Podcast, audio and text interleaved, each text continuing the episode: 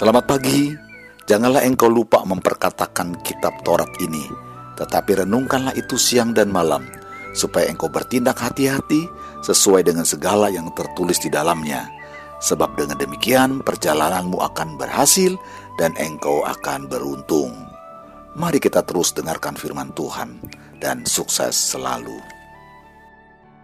Pengikut Yesus itu mempunyai terang hidup, kata firman Tuhan dalam Yohanes 8 ayat 12 dikatakan gini. Maka Yesus berkata pula kepada orang banyak katanya, Akulah terang dunia. Barang siapa mengikut aku, ia tidak akan berjalan dalam kegelapan, melainkan ia akan mempunyai terang hidup. Bedanya kita sama orang-orang yang tidak mengenal Yesus adalah begini, kita punya terang dalam hidup kita. Terang yang menuntun kita, terang yang membuat kita mengerti arti kehidupan, bagaimana menjalani hidup kita. Setiap pengikut Kristus dikatakan orang-orang yang percaya kepada Yesus itu memiliki terang di dalam dirinya karena Yesus adalah terang dunia. Tuhan memberikan terang dalam hidup kita supaya kita menerangi kegelapan di sekeliling kita, menerangi kegelapan di dunia di sekeliling kita. Yesaya 60 ayat 1 berkata gini, Bangkitlah, menjadi teranglah, sebab terangmu datang dan kemuliaan Tuhan terbit atasmu. Sebab sesungguhnya kegelapan menutupi bumi dan kekelaman menutupi bangsa-bangsa, tetapi terang Tuhan terbit atasmu dan kemuliaannya menjadi nyata atasmu.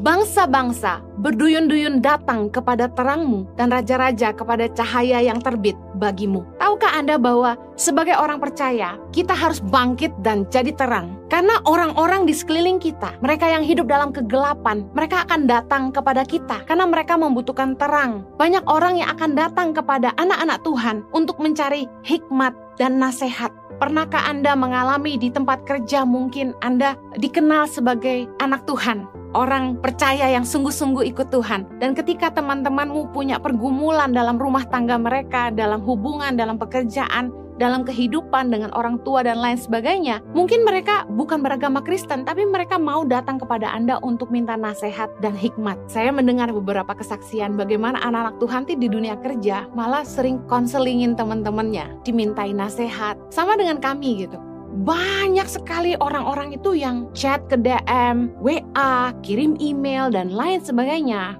komen di IG, komen di YouTube. Mereka cuma punya satu hal yang sama. Mereka semua minta nasihat. Mereka semua minta bimbingan. Apa yang mereka lakukan dalam hidup mereka? Kadang-kadang saya bingung. Saya bukan pengusaha, tapi pengusaha datang kepada saya untuk minta nasihat. Saya bukan pejabat, tapi pejabat minta nasihat kepada saya juga. Saya ngerti ketika saya baca ayat ini, Yesaya 63, bangsa-bangsa berduyun-duyun datang kepada terangmu dan raja-raja kepada cahaya yang terbit bagimu. Orang-orang yang tidak memiliki terang di dalam hidup mereka, mereka akan datang kepada kita karena mereka tahu kita punya terang itu. Mereka mencari nasihat dan hikmat dari kita. Fungsi terang itu menerangi kegelapan di sekitarnya, menunjukkan jalan. Nah, itu fungsi kita. Kita harus jadi penunjuk jalan bagi hidup orang di dalam kegelapan. Kita harus menuntun mereka untuk kembali ke jalannya Tuhan. Orang-orang yang hidup dalam kegelapan, mereka nggak tahu bahwa mereka tuh hidup sia-sia. Dan sebagai terang, kita yang harus menerangi kegelapan dan kasih tahu mereka, ini jalan kebenaran. Ini jalan yang harus kamu ambil. Mari bersyukurlah kalau Tuhan itu memberi terang dalam hidup kita sehingga hari ini kita bisa jadi anak terang. Menjadi terang berarti kita harus jadi teladan. Matius 5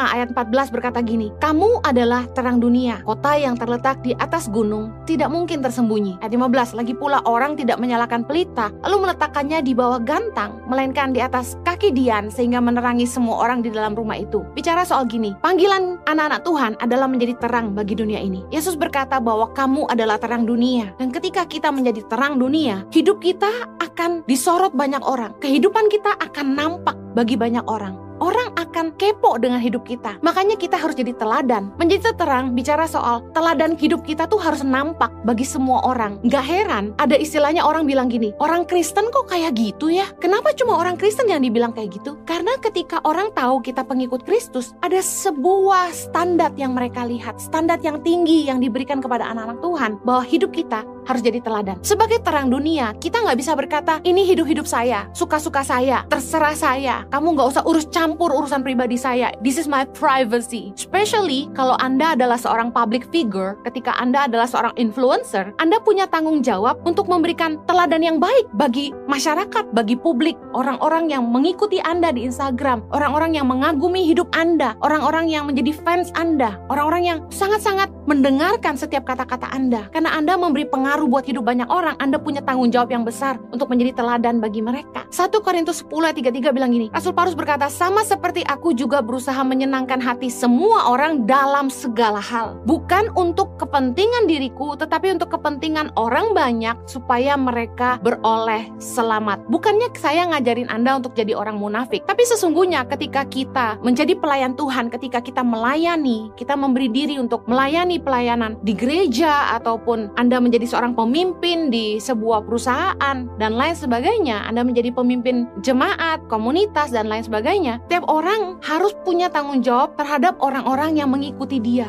orang-orang yang dipengaruhi oleh hidupnya. Gak boleh lagi kita bilang hidup terserah saya. Karena ketika kita diikuti orang, ketika kita punya pengaruh atas hidup orang lain, mereka akan dengar apa kata kita. Teladan hidup kita akan diikuti oleh mereka. Makanya kata Rasul Paulus, kita harus berusaha menyenangkan hati semua orang dalam segala hal. Bukan karena kita munafik, tapi karena kesadaran kita punya tanggung jawab atas hidup orang banyak. Kita bertanggung jawab ketika mereka lihat hidup kita, kita harus jadi teladan bagi mereka. Dan kita nggak boleh sembarangan dengan hidup kita karena kita harus memastikan mereka beroleh selamat. Jangan sampai hidup kita jadi batu sandungan, tapi hidup kita jadi teladan.